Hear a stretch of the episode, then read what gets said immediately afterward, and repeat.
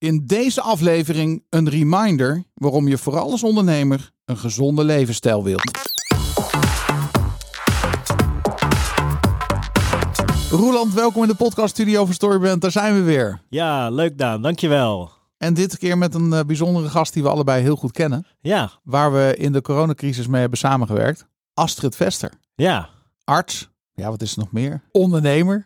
Auteur. Ja, je kan beter vragen wat ze niet is. ja. Ja, die, die, die komt wel met, uh, met een heel bijzonder verhaal. We gaan het hebben over haar uh, nieuwe boek. De moderne medicijnvrouw. En we gaan het met haar hebben over gezondheid. Wat leuk, joh. bij medicijnvrouw daar heb ik echt zo'n zo'n beeld bij van zo'n hè, van, van heel lang geleden. Ja. Zo'n vrouw die van allerlei, in allerlei potjes aan het, aan het roeren was. En daar, daar, daar kwamen dan de magische dingen uit. Precies. Ja, hè? Ja, maar dit, dit is um, echt een professional. Um, ik zal haar zo meteen even fatsoenlijk introduceren. Maar ja, gezondheid is natuurlijk cruciaal. En zeker ook uh, als ondernemer. En voor elk mens wat luistert is gezondheid belangrijk. Want we zeggen natuurlijk niet voor niks als je um, gezond bent wil je heel veel. Maar als je ziek bent wil je maar één ding, dat is beter worden. Ja. Dus het, de basis, het fundament is toch altijd een gezond lichaam. Ja, je, je kan nog zo hard werken, maar op het moment dat je geen gezondheid hebt, ja, dan, uh, dan donder je een keer op natuurlijk. Dan houdt het heel gauw op. Ik hoorde vandaag, uh, ho hoorde ik iemand zeggen, maar waarom begint voor de Joden de Sabbat, hè, dus de dag, de Sabbatsdag, die begint niet uh, s ochtends, maar s avonds. Bij zonsondergang op vrijdagavond ja. begint de Sabbat. En die eindigt op uh, zaterdagochtend als de zon opkomt. Dus elke dag uh, volgens de Joodse traditie begint s'avonds en niet s ochtends. Dan zou je bijna zeggen dat ze s'nachts leven. Nee. maar is het apart hè? Ja dat, is, ja, dat is zeker apart. De uitleg is dat jouw dag begint vanuit rust. Dus je begint niet met werken en je verdient het door te werken om te rusten. Nee, je begint vanuit rust. Dus je prioriteit als mens is om uitgerust te zijn.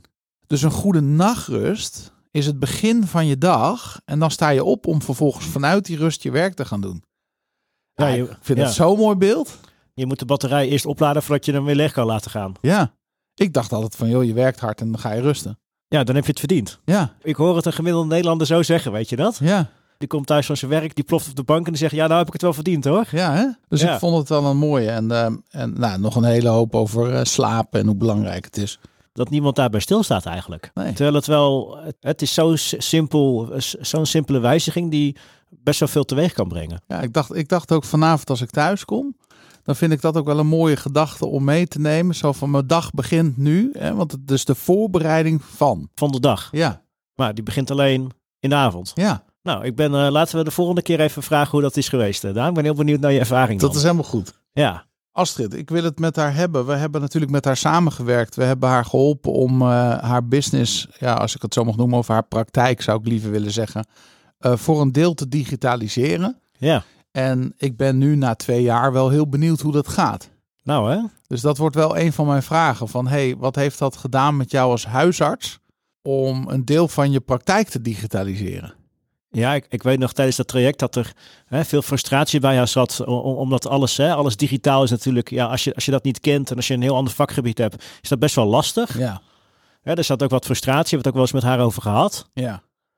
Maar ja, inderdaad, ik ben ook heel benieuwd eh, hoe dat nu eh, hoe dat heeft uitgepakt. Top. Nou, weet je, ik stel gewoon voor, we gaan daarop voorstellen en naar het interview. Gaan we doen. Astrid Vester is arts voor integrale, leefstijl en energetische geneeskunde en eigenaar van de moderne medicijnvrouw. Binnen de moderne medicijnvrouw komt alles samen. Al haar kennis die zij heeft opgedaan in haar studie geneeskunde, maar vooral ook in de wereld van voeding, leefstijl, orthomoleculaire geneeskunde, fytotherapie, homeopathie en neuraaltherapie. Hier is Astrid Vester. Astrid, hartelijk welkom in de podcaststudio van Storybrand. Dankjewel Daan, ik vind het echt een enorme eer om hier te zijn. Ja, fijn. En ik vind het echt een eer dat jij hier bent. We kwamen er net achter dat we elkaar voor het eerst in levende lijven zien. Wat heel raar is eigenlijk om te bedenken. Want wij hebben elkaar in de coronacrisis leren kennen. Toen dat, dat hele verhaal net begon. En we kwamen er net achter dat we elkaar alleen nog maar online hebben gesproken. Ja. Hè? Ja, dat is toch wel bijzonder, weet je. En dan kijk je iemand in de ogen Ja, en dan zie je nog zo heel veel meer dan Ja. alleen maar de visualisatie of de, de, het zien op, eh, ja. is zeg een het andere belevenis. Ja, het is een heel andere belevenis. Ja. Ehm, fijn dat we elkaar online kunnen treffen in deze wereld, maar in levende lijven is toch wel de beste vorm om elkaar te ontmoeten. Vind je niet? ja, absoluut. Dat is voor een mens, ja, de, wat jij zegt, hè, dan kun je veel meer waarnemen. Precies. Ehm, voordat we de inhoud ingaan, we gaan heel veel bespreken vandaag. Ehm, maar neem ons even mee als luisteraar. Wie is Astrid Vester? Nou, eh, Astrid Vester is geboren in 1962 in Haarlem. En ehm, ik startte mijn leven in de eerste jaren ook als kind met heel veel waarnemen. Dus ik zag heel veel Ja. waarvan andere mensen zeiden ja, maar het zien wij helemaal niet. En ik ben dat uiteindelijk in mijn jonge leven verkeerd gaan maken. Dus alsof ik iets zag, nou ja, dat ik een beetje raar was in mijn hoofd. Dus ik heb dat Mm. heel erg weggestopt. Totdat ik uiteindelijk eh, koos ook voor gezondheidszorg, voor medicijnen studeren, geneeskunde studeren. En daarna een opstap nam naar natuurgeneeskunde, leefstijlgeneeskunde, integrale geneeskunde en, geneeskunde. En toen kwam die hele niet-visuele wereld kwam weer terug. Ja. En daar heb ik zo ontzettend veel ook aan gehad, want ik kon daarin veel meer mezelf zijn. Ja. En ook veel meer de mens in totaal zien. Dus niet alleen maar het lichaam, maar het hele energieveld. En ingebed in nog een groot energieveld. Wauw. Dus dat is eh, Wauw. De Dat- weg. Dit is, ja, dat roept ook al heel veel vragen op waar ik meteen over zou willen beginnen, maar we gaan hem even afpellen. Ehm, ik begin eventjes bij het feit dat je medicijn hebt gestudeerd, geneeskunde. Het is interessant hè, dat we eigenlijk, als iemand geneeskunde gaat studeren, noemen we dat medicijnen studeren. Wat eigenlijk ook zo is, hè, want de geneeskunde is wat dat betreft gigantisch veranderd. Ehm, in mijn, maar corrigeer me als ik het verkeerd zeg, zo'n 100 jaar geleden was datgene wat we nu alternatieve geneeskunde noemen. De reguliere geneeskunde. En pas toen de mens ontdekte dat we geld konden verdienen aan gezondheid, kwam de hele farmaceutische industrie even, ik, ik zeg het even heel gechargeerd, hè? Eh, kwam dat op gang en werd datgene wat ehm, alter, nu alternatief wordt genoemd, hè? dus het, het, het eh, eh, zeg maar de, de, de natuurgeneeskunde, dat werd opeens, ja, daar kon je geen geld aan verdienen. Dus het werd allemaal medicijnen. En zo zijn we zelfs onze studiegeneeskunde gaan noemen. Zie jij dat ook zo? Of Ja, toen ik me daarin ging verdiepen, toen zag ik ook echt dat eh, in die industriële revolutie eigenlijk die hele natuurgeneeswijze werd overschreven door die medicijnkunde, door de farmacie. En dat we daar een enorme verlo- enorm verlies ervaren eh, in wat er allemaal in de natuur mogelijk is om ziekte en gezondheid te ondersteunen. Toen ik daarachter kwam, toen dacht ik, mijn hemel, ehm, maar daar ligt veel meer ingang nog voor eh, de ondersteuning van ook gezondheid, eh, ook preventief, zeg maar. ja, En toen ik dat zag, toen dacht ik van, die koekblik wil ik toch weer opnieuw gaan opentrekken. En ik weet nog heel goed, ik was ehm, op de afdeling oncologie, dus mensen met kankerlagen. ja, Die kregen allemaal chemotherapie. Die rode vloeistof die dan inloopt, eh, zeg maar het vergif. En ik dacht, wat doe ik hier? Weet je, al die mensen die worden vergiftigd met al die chemische medicijnen. En ehm, ik wil echt niet zeggen dat je dat helemaal niet moet doen, weet je. Dus dat het totaal verkeerd is. Maar dat beeld wat ik daar kreeg, ik dacht, dit kan geneeskunde niet zijn. Dus ik ging zitten naast mensen en ik praatte met ze of ik zei niks. Of ik hield een hand vast en ik weet nog goed, toen op een gegeven moment, toen zei de hoofd van de afdeling tegen mij van, eh, nou, Astrid, ehm zullen we even met elkaar praten? Wil je even naar kantoor komen? Toen dacht ik van, oh, nou zal je het hebben. Want dan zal die vast tegen mij zeggen, je doet niks. Je zit alleen maar daar te zitten naast die mensen aan het bed. Toen zei hij tegen mij, toen kwam ik eh, bij, zijn, bij hem in zijn kantoor. Toen zei hij tegen mij, ja, wij vragen ons af, wat doe jij eigenlijk? Want mensen voelen zich beter als jij aan hun bed hebben gezeten. Wat is dat? Toen dacht ik van, huh? Wat? Doe ik iets? En dat was eigenlijk het begin ook voor mij om me te realiseren dat er veel meer in heling bestaat dan alleen maar medicijnkunde. ja. En dat heeft mij ook doen nadenken over die andere weg te gaan Ja. bewandelen. Wauw. Dat, dat, en dat is ook waar je bent begonnen naar eh, na- natuurgeneeskunde, integrale geneeskunde. Integrale geneeskunde is, wat veel mensen niet weten, ook gewoon echt een studie. Hè? Ja. De Universiteit van Wageningen heeft die studie. Daar heb je ook weer een studie gedaan. En je bent zelfs, ik weet niet of je dat nog steeds bent, ben je nog steeds voorzitter van de Integrale Geneeskunde Nederland? Ehm, dat is de ehm, AVIG, de Artsenvereniging voor Integrale Geneeskunde, was ik Ja. ehm, in het bestuur. En nu ben ik lid van de onderwijscommissie van de Academie voor Integrale Geneeskunde. Ja. En het woord zegt het ook al, we staan voor integrale geneeskunde. Dus ik heb alles wat ik heb geleerd als arts niet weggegooid, Nee. maar geïntegreerd in die wereld van natuurgeneeskunde. En wat Ja. daar nog veel meer mogelijk is. Leefstijlgeneeskunde is daar een onderdeel van. En we leren dus ook ehm, artsen om op die manier te gaan kijken en te gaan ervaren. Want ik was even vergeten toen ik ehm, begon te assisteren in die opleiding, hoeveel jaar ik had gedaan om dat te integreren. Dus wij dachten in een aantal weken, nou, dat gaan we die mensen leren.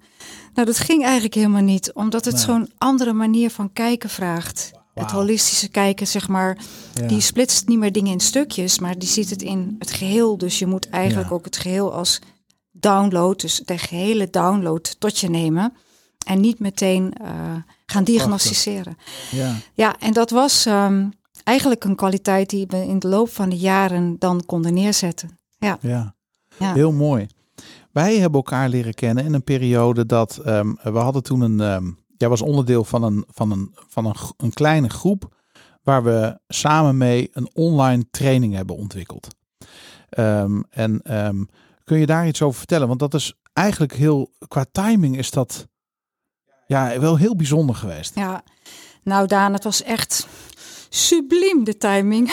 Ja, Want ehm, ik had daarvoor het idee, en we zaten dus in de coronaperiode, ik had daarvoor het idee van ja, maar als dokter kan je helemaal niet online gaan. Hoe doe je dat dan als je met patiënten bent en je moet lichamelijk onderzoek doen, bla bla bla. En toen heb ik die cursus eh, gemaakt samen met jullie maag-darmklachten in relatie tot het brein en het immuunsysteem. ja, En toen ik die lanceerde, toen merkte ik dat daar best wel veel belangstelling voor was. En ook dat je dus dingen online kon vertellen. Ik had wat dingen opgenomen, er waren wat teksten, ik had wat ehm, meditaties gemaakt, die had ik daar ingevoegd. En toen dacht ik bij mezelf, oh maar wauw, en hoeveel mensen kan ik daar nog meer mee bereiken? Daarvoor was het meer één op één en dan is elke uur iemand anders, of korter zelfs. En nu dacht ik van, oh, ik heb een hele groep mensen. Hoeveel kan ik nog meer dan verspreiden? ja. En ook in bewustzijn verspreiden. En over gezondheid vertellen. En over preventie vertellen. Over hoe kan je goed voor je gezondheid zorgen? En nog aan veel meer mensen. Dus er ging een wereld voor mij open. Ja, geweldig. En, en toen ben je daar, ehm, je bent zelfs zo ver gegaan dat je de helft van je tijd eigenlijk bezig was met één op één en de andere helft online. Ja, zover is het eigenlijk nu ook. En ehm, ik zie dus nog steeds wel mensen één op één, maar het is echt minder eh, dan voorheen. En Ja. ik geef nog wat les aan collega's en ik geef ook nog wat les aan mensen die zich meer willen verdiepen in gezondheid en bewustwording. Maar die andere helft is echt allemaal online. Wauw. En toen kwam er een moment dat je dacht, nu ga ik een boek schrijven. Dat wil ik al heel lang doen. En dat is ook gebeurd. Neem ons even mee. Het boek heb ik hier liggen, De moderne medicijnvrouw.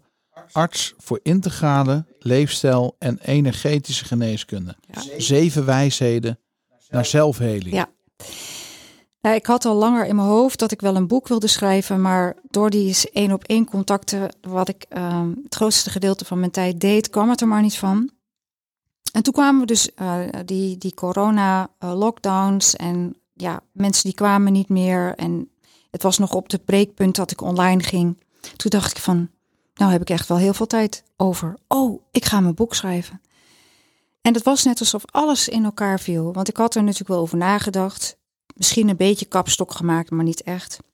En toen kwam dus die ruimte en die inspiratie. Toen ben ik, ehm, een vriendin zei tegen mij van, nou kom lekker bij mij in de B&B zitten en dan ga je lekker schrijven en zo. Dat heb ik gedaan. En ik zat achter mijn laptop en zij bracht mij mijn ontbijt. En ik was maar aan typen en typen, bijna met mijn ogen dicht, zeg maar, kwam die informatie en nog meer en nog meer en nog meer. En toen kwam ze s'avonds weer bij mij. Ik ben daar tien dagen geweest. En toen zei ze van, kom je lekker weer, uh, zeg maar, diner bij ons gebruiken, gezellig. Toen keek ze, toen zag ze, maar je ontbijt staat er nog. Terwijl je niet ontbijt opgegeten. Zo was ik in die bel schrijven en schrijven en schrijven. En alles wat ik wist, gecombineerd in een nog groter verband, heb ik toen uh, opgeschreven. Dus zo is dat boek eigenlijk tot stand gekomen. Je zou bijna kunnen zeggen met voorbereiding van jaren dat het in je hoofd zit, tot twee keer hmm. tien dagen dat je het schrijft. Dat is toch ongelooflijk? Dat is ongelooflijk. Ja. ja. Toen stroomde het echt. Hè? Ja, ik was echt uh, helemaal in een bel. Prachtig. Um, als ondernemer, uh, voor alle mensen die luisteren is dit belangrijk, maar ik richt me heel even op de ondernemer. Als ondernemer heb je een soort tweede druk op je leven. Hè? Want eh, er moet omzet binnenkomen. Je hebt mondjes te voeden. Er zijn allerlei verantwoordelijkheden. Het is een andere dimensie. Die ik niet heb ervaren toen ik in loondienst was. Hè? Dat, dat, dat, dat is anders. Maar je ziet natuurlijk als ondernemer dat er heel vaak ja, dan een van de dingen die onder druk komt staan is je gezondheid. Want, want voor je het weet ben je te lang elke dag aan het werk, te veel aan het werk, voeding die onder druk staat, et cetera. Nou, we weten allemaal het klappen van de zweep. Wat um, zie jij als, hè, want we hebben daar vaak een heel apart beeld bij van, oh, ik moet misschien een bepaald dieet gaan volgen, of ik moet dit, of ik moet dat. Alleen het hele woord moeten al. Ja, precies. Maar ja, geneeskunde is dus iets wat niet zozeer gaat over wat van buiten naar binnen gaat, maar eigenlijk ook van het zelfhelende vermogen van je lichaam hè, en, en gewoon heel goed kunnen luisteren naar je lijf. Neem ons eens mee, misschien in, in, in de stappen die je in je boek hanteert of hoe je het wilt doen. Neem ons eens mee en hoe kunnen we nou goed voor onszelf zorgen? Ja, hele goede vraag. Um, want daar bestaat eigenlijk niet echt een programma voor waaraan je kan deelnemen omdat je die en die uh, problematiek hebt of die en die aandoening. Wat mij betreft is het belangrijk om te luisteren naar de fluisteringen van je lichaam. Ja. Eigenlijk zou je kunnen zeggen, is er een directe relatie tussen wat jij weet, wat voor jouw lichaam gezond is, en jouw lichaam.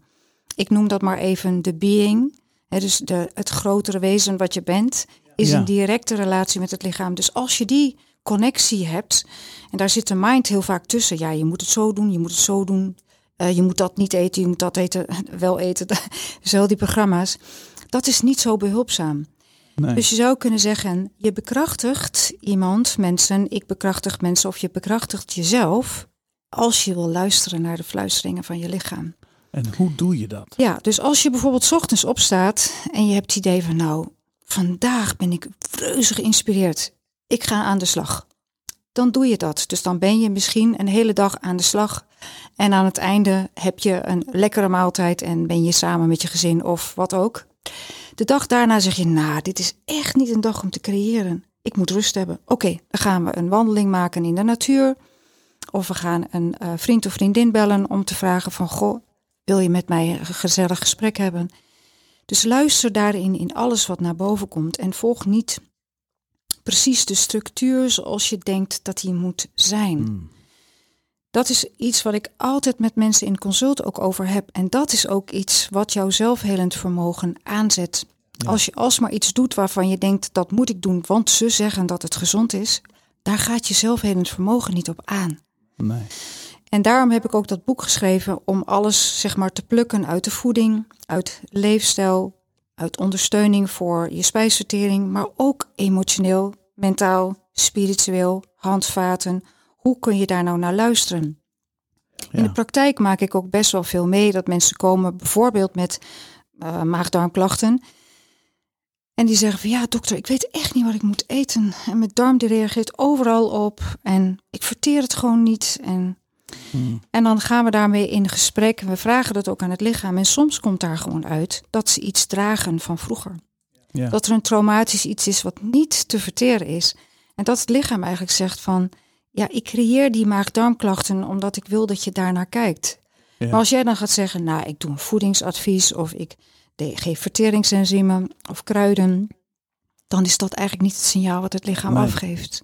En dit is heel mooi wat je zegt. En ik wil even een moment nemen, Astrid, om dit te duiden. Want wat ik heel vaak merk is, je kan nu als luisteraar denken, hé, hey, wat is dit voor spooky verhaal? Hè? En hoe ik het heel vaak uitleg ook aan mensen als we het hierover hebben, is nee, dit is helemaal niet spooky, want we hebben het ook over luisteren naar ehm, eh, je hart of eh, eh, je intuïtie of je gevoel. Dus er zijn natuurlijk heel veel stemmen waar we naar luisteren, die we al gewend zijn. En nu hebben we het over de stem van het lichaam. En dat zijn we vaak niet gewend om daarnaar te luisteren, want dat wordt ons niet geleerd. Exact. Maar dat is het eigenlijk. Je lichaam geeft signalen. Uh, pijn is ook een signaal, hè, dus ook een stem van je lichaam, die jou iets wil vertellen, waardoor je anders gaat handelen of doen. Daar hebben we het over, toch? Ja, zeker hebben we het daarover. Ja. Ja, dus je kunt zeggen van je lichaam geeft heel duidelijk aan, middels natuurlijk het fysieke stuk, dat er iets is om naar te luisteren. En dat Ja. kan heel verschillende dingen zijn. Dus je kunt iets wat jouw fysieke lichaam zegt, kun je wel altijd fysiek willen duiden, maar dat is het niet altijd. Nee. Ja. En dat zijn ook de spreekwoorden die je in de taal vindt van het ligt zwaar op de maag. Wat heb je op de lever? Of eh, ehm, mijn darm, oh, het doet zo zeg maar, het ligt zo zwaar op mijn darmen. Of weet je, dat zijn ook de spreekwoorden die daar Ja. iets over zeggen. Over Ja. dat, dat, Ja, daar breek ik mijn hoofd over. Ja. Hè, Er zitten heel veel spreekwoorden. Eigenlijk zou je misschien wel kunnen zeggen, als je even terug gaat naar het begin, waar jij het had over die industriële revolutie, waar ook medicijnen in, een, in, in, in, in, in ons systeem zijn gekomen. Waar we daarvoor echt zagen, hey, het is de natuur die ons helpt. En niet alleen de natuur, want ook de natuur, daar zijn we onderdeel van. Maar ik zou ook, misschien kun je daar nog iets meer over vertellen. Ehm, er zit op celniveau zoveel informatie in ons lichaam opgesloten. ehm, dat je lijf weet wat je nodig hebt. Kan je daar iets over zeggen? Want ehm, ik merk dat heel veel ondernemers hier juist op aangaan, omdat we in het ondernemerschap ook heel veel keuzes maken op intuïtie en gevoel. Hoe vaak hoor je wel niet, ja, ik had gewoon het gevoel dat ik die klant moest bellen. Of ja, ik ben toen dat bedrijf begonnen, want ja, ik had gewoon het gevoel dat dat de weg was die ik moest gaan. Er zit bij een ondernemer, dat vraagt al een, aan, een vaardigheid om te luisteren naar intuïtie, omdat je vaak in een split second beslissingen moet nemen. Dus ik merk dat ondernemers vaak ook openstaan voor die boodschap van hey, het luisteren naar mijn lichaam. Ik had laatst nog een gesprek met iemand die zei, ja, ehm, ik heb deze klacht en ik ben deze thee gaan drinken. En het klinkt misschien een beetje gek, maar het is wel echt een stuk minder geworden. ja, mooi. Ja, mooi voorbeeld vind ik ook. En eh, zo heb je nog veel meer voorbeelden. Bijvoorbeeld ehm, dat je een tuin hebt waar bijvoorbeeld alleen maar symfitum in groeit, smeerwortel. En smeerwortel is heel goed voor de botten en voor de aanhechtingen. Dus als iemand dat tegen mij zegt, dan zeg ik van ja, maar dat is dus ook niet voor niks, weet je. Jouw lichaam trekt dat als het ware aan. Ja. Of je gaat naar een restaurant en je zoekt iets op de menukaart uit. Ja, wat kies je dan? Dan kies je eigenlijk iets uit wat jouw lichaam op dat moment wilt eten. Ja, En zo heb je nog veel meer voorbeelden waarvan je kan zeggen, ja, maar je lichaam weet het gewoon. ja, En sommige mensen zijn uit overtuiging vegetarisch of veganistisch. Maar kun je ook kijken naar, oké, is dat ook wat mijn lichaam vraagt? Is dat ook wijsheid voor mijn lichaam? Dus daar heb je van die overtuigingen en, en standpunten in die je lichaam juist vastzetten. In plaats van dat het een ondersteuning is voor je zelfhelingsvermogen. Dus Mm. ja, heel bijzonder. Hè, dat je daar eh, naar kunt luisteren en dat het zoveel informatie geeft. ja. Je, je noemt het de wijsheden. En de eerste is de primaire voorwaarden voor zelfheling. Wa- Wat zijn de primaire voorwaarden voor zelfheling? Kun je daar een voorbeeld van geven? Ja, zeker. Ehm, er zijn heel veel eh, situaties, dingen, eh, misschien kun je energiestagnaties noemen of blokkades die ervoor zorgen dat je geen contact krijgt met je zelfhelend vermogen. Ja. Eén daarvan is natuurlijk, dat weten we allemaal wel, als je niet de voeding gebruikt die jouw lichaam nodig heeft. Ja. Want als je daar niet voor zorgt, dan kun je ook niet je zelfhelend vermogen op wat voor niveau ondersteunen. Mm. Maar ook een voorbeeld van een, eh, iets wat het zelfhelend vermogen hindert is als je alsmaar jezelf dezelfde verhalen blijft vertellen. Bijvoorbeeld, ik kom uit dat gezin en ik was daar de oudste. En ik moest daar alles doen, dus ik neem nu nog steeds te veel verantwoordelijkheden. En ik blijf dat maar doen. Ehm, en ik blijf er maar voor kiezen. Terwijl het eigenlijk niet het leven is wat je kunt leiden. Het leven kan veel gemakkelijker zijn. Het kan met veel joy zijn of veel plezier. Maar daar kom je alsmaar niet in omdat je die verantwoordelijkheid blijft vasthouden. Mm. Dat zal ook niet je zelfhelingsvermogen ondersteunen. Wauw. Ik spreek in het boek ook over karma. Dat gaat alweer een stukje verder. Maar ik heb ook gemerkt, en dat had ik van een mysticus geleerd, eigenlijk al heel vroeg, ehm, in mijn studietijd zelfs. Van ja, als dit maar als er karmische processen zijn, dan kun je fantastische dingen doen. Je kunt mensen laten wandelen, goed laten eten. Je kunt naar hun emotionele, mentale gezondheid kijken. Maar als daar nog iets vastloopt, en dat kun je in het lichaam ook voelen, Ja. dan wordt iemand niet beter. En toen dacht ik van, oh wauw, dat is wel bijzonder. En dat kan je zelfs doorgeven. ja. Ja, Dus dat je dat kunt oplossen. Dus dat zijn een paar voorbeelden hoe je naar gezondheid kan kijken. Maar ook bijvoorbeeld als er een emotionele blokkade is. Dus iemand die zegt van ik heb heel erg veel last van mijn darmen, om dat voorbeeld maar weer even te Ja. nemen. Ik heb zelfs colitis ulcerosa. En dan moet je even weten dat de darm ook een orgaan is die heel vaak gaat over dogma's. Dus vasthouden aan de oude principes en ehm, gedachten en het moet zo en het moet zo. En dat die darm dat ook op een gegeven moment gaat vasthouden, maar daar ook in onbewegelijk wordt. Mm. En daardoor ook dan die klachten creëert. En als je daar dan op ingaat, zo van, oké, is dat niet een programma wat je vasthoudt, wat helemaal niet Wat van jou dient. is, wat je niet dient. En hoe kan je dat dan loslaten door daar naartoe te gaan en het ruimte te geven? En dan lost het in het kader van ik ben gezien weer op. Ja. En dan zie je die darmklachten verbeteren. En dat is ook een manier om het zelfhelend vermogen te ondersteunen. Dus je kunt het echt wel veel breder zien Ja. dan alleen maar het lichaam. Twee En dingen voeding. die je daarin al genoemd hebt en die mij eh, enorm dienen in mijn leven, is de gedachte dat dingen niet gescheiden zijn van elkaar. Ja, dus het Griekse denken heeft ons, eh, dat zeg ik heel vaak, op allerlei gebieden heel veel gebracht. Maar het Griekse denken is ook wel van het hokjes plaatsen. Het Griekse denken, de oudheid, gaat heel erg over ja, systemen. Eh, en het Hebreeuwse denken, het Joodse denken, gaat veel meer over eenheid. Dingen zijn één, hebben alles met elkaar te maken. Ehm, geest, ziel en lichaam, hè, dus ons hele wezen, is ook één systeem. Dus je kunt dus ook niet zeggen van ja, ehm, mijn lichaam staat op zichzelf. Nee. Je lichaam staat niet op zichzelf. Hè. Dat wat natuurlijk is, hè, dus wat misschien een fysiek probleem is, hoeft niet altijd veroorzaakt te worden door een fysiek iets. Dat is soms heel lastig voor mensen om te begrijpen. Ehm, maar ehm, een ontsteking in het lichaam kan dus ook een emotionele oorzaak hebben, waardoor er überhaupt een ontsteking zit. Mhm, Zeker.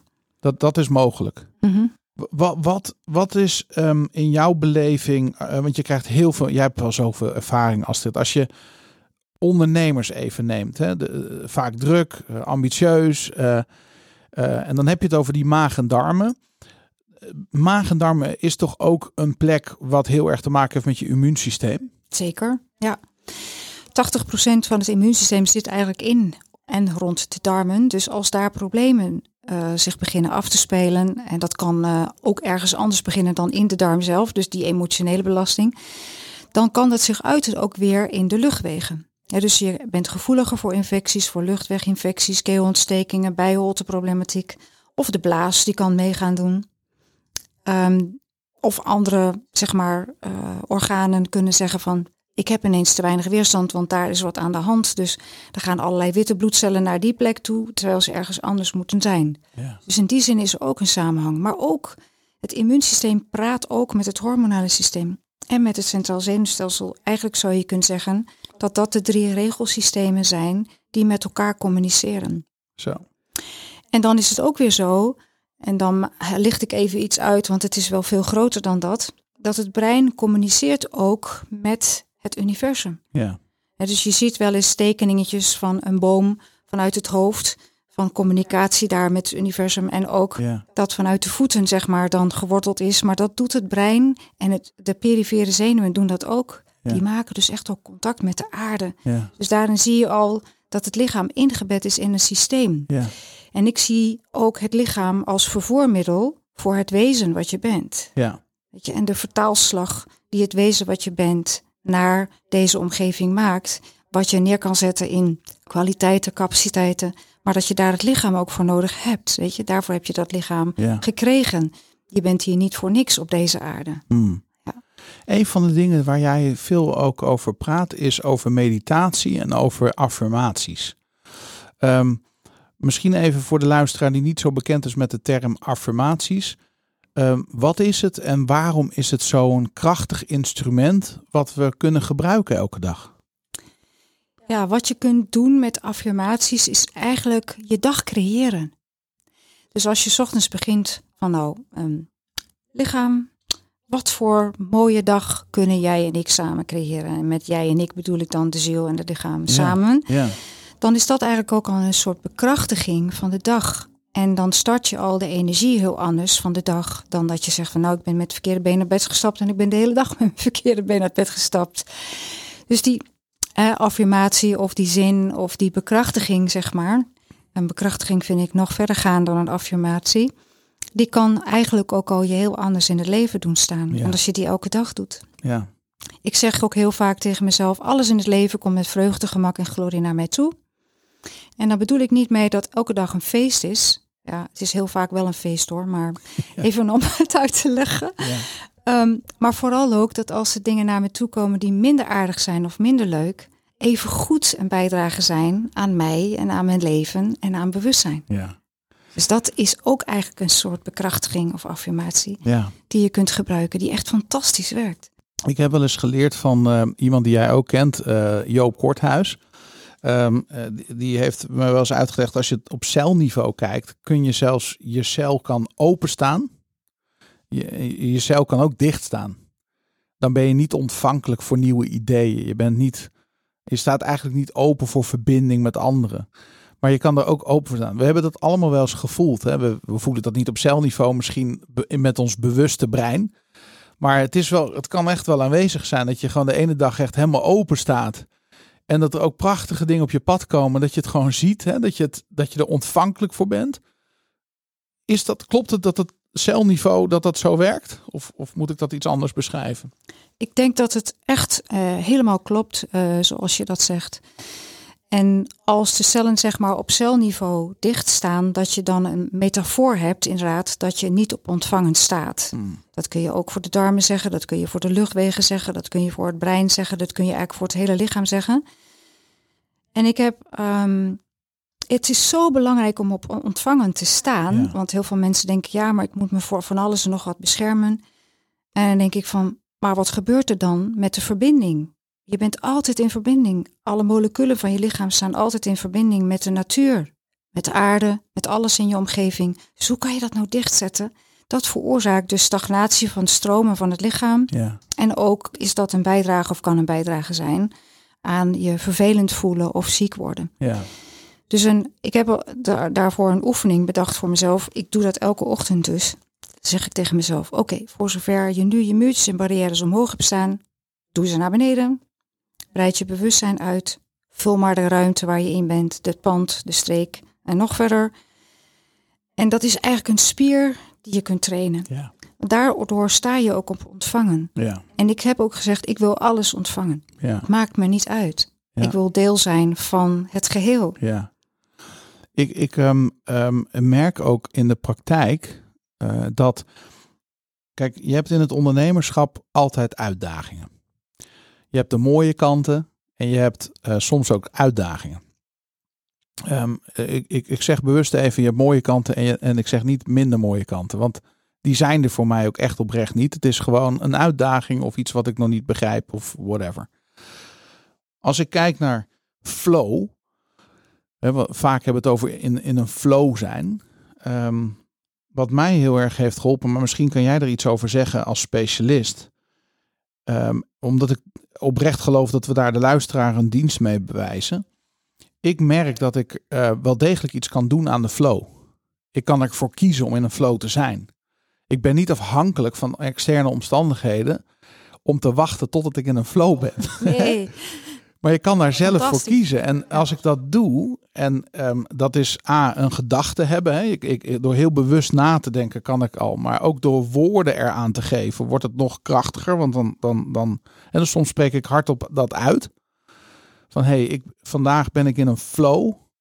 Ik verwacht dat er goede dingen op mijn pad komen. Ik verwacht dat ik gunst heb met de mensen met wie ik in contact kom. ehm, dan merk ik ook dat dat gebeurt. En niet altijd instantly. Hè? Eh, En, en ik, het, het brengt bij mij ook geen twijfel als het een, die dag stroef loopt, want die dagen zijn er ook. Maar ik zou niet zozeer willen zeggen, zijn dan dagen, het zijn dan momenten. Want vaak noemen we iets van, nou, het is een rotdag. Ja, waarom dan? Omdat je vijf minuten even niet goed voelde. Of iemand lelijk tegen je deed, laat je ook niet 24 uur verpesten. Kun jij daar iets over zeggen? Want die flow is zo belangrijk in het ondernemerschap om ook dingen naar je toe te krijgen. Heel veel ondernemers hebben financiële stress volgens de cijfers in Nederland. Er, is, er, is een, de, de, de, er spelen zich best wel dramas achter, achter gesloten deuren af. Heb ik genoeg omzet, et cetera. En als je dan ook nog eens een keertje dat nieuws en de krant en de televisieprogramma's, als je dat allemaal binnen laat komen. Ik ken ondernemers die zitten de hele dag aan de auto, die luisteren alleen maar naar de radio. Nou heb ik daar geen waardeoordeel over, zo bedoel ik het niet. Maar je kan er ook voor kiezen om een podcast op te zetten die jou helpt om te groeien en te ontplooien en weer geloof te hebben in dingen. Zou je daar iets over kunnen zeggen? Van hoe kun je nou zorgen dat je in die, je hebt al wat dingen genoemd natuurlijk, maar hoe, dat flow stuk. Ik vind het echt een fantastische vraag. Ehm, en dan neem ik gewoon maar even het voorbeeld dat wij hier nu staan. Ja, Ehm, en dat er een vraag van jou komt van Astrid, wil je samen met mij een podcast opnemen? En wat ik dan gelijk voel is ja. ja, Dus het is een lichtheid waarvan ik ervaar van het creëert voor jou en voor mij creëert het iets groters. ja, Daar ga ik in mijn leven eigenlijk altijd op af. Dus als iets zwaar voelt en je voelt in je buik, oh, het krampt helemaal samen, het wordt zo zwaar, ja, dan ervaar ik zelf van dat is niet licht. Daar ga ik dan eigenlijk niet meer, ehm, zeg maar, mee in contact. Dus dat is voor mij een hele belangrijke graadmeter. En in tweede instantie, ehm, wat er dan vandaag ook gebeurt, is van, oh ja, vandaag hebben we Daan met Daan een podcast. Oh, daar ga ik even in staan. Dus wat ik dan vraag aan het universum is, eh, ik wil verbinding met jou. Dus ik laat het universum door mij heen gaan, door jou heen gaan. Dat we gewoon een fantastische verbinding hebben. En dat we voor de mensen een fantastische podcast kunnen neerzetten. ja. Dat het niet alleen maar voor ons meer creëert, maar ook voor de mensen die ernaar willen luisteren. Ik krijg er nu ook kippenvel van. ja. Weet je, omdat dat echt ook ehm, zo, zo, Zo sta ik in het leven. Ja. En je noemde net nog iets over geldstromen. Ehm, ik ben zelf ook ondernemer en ik ben al 30 jaar zelfstandig ondernemer.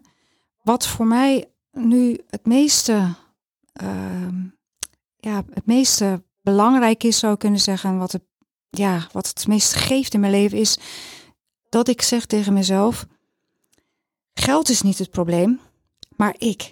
Mm. Dus money follows joy. Als je iets doet waar jij blij van wordt, waar jij een bijdrage in bent, waar je echt je kwaliteiten, je capaciteiten neerzet, wat je, dan komt dat het. geld Ja. vanzelf. Ja. Weet je, en het is Ja. waar wat jij zegt, als je elke dag luistert naar het nieuws, ja, word je, word, ik word daar niet meer blij van. Nee, Weet je, dat betekent niet dat ik niks meer luister, nee. maar dat ik selectief word omdat ik ervaar van, ja, dit is de stroom waar ik me in wil bewegen. Ja. Dus ja, dat zou ik erover kunnen zeggen. Ja, prachtig. Het is ehm, misschien ook leuk om eh, te, te noemen. Wij hebben net een, een huurcontract getekend van vijf jaar voor een nieuw pand. We willen uitbreiden, we willen groeien, we willen nieuwe dingen ontwikkelen. Als ik alleen maar naar het slechte nieuws zou kijken, zou ik dat huurcontract niet tekenen in deze tijd. Ook niet omdat je niet weet hoe de servicekosten gaan zijn met alle gasprijzen, et cetera. En toch heb ik het gedaan. Dus ik heb me niet afgesloten voor de werkelijkheid die er om ons heen is. Maar ik, heb, ik weet dat er ook een andere werkelijkheid is die daar dwars doorheen werkt. En dat er Ja. altijd kansen zijn. En dat er altijd mogelijkheden zijn. Ja. En ehm, hè, dus je doet het nog steeds met beleid. Maar je maakt die keuzes omdat je ook wil geloven. En, en niet alleen wil geloven, gewoon gelooft dat er een goede positieve toekomst is. Ehm, en die is hier. Ja, precies dat. Die is hier, die is hier. Die, daar kun je gewoon in gaan staan. En ik hoop ook echt dat je als luisteraar gewoon je hiervoor open wil stellen. Het betekent juist niks zweverigs. Ik vind er niks zweverigs aan wat we delen. Dit is gewoon hoe het werkt. Ja. En ehm, het is er toch al, dus maak er gebruik van.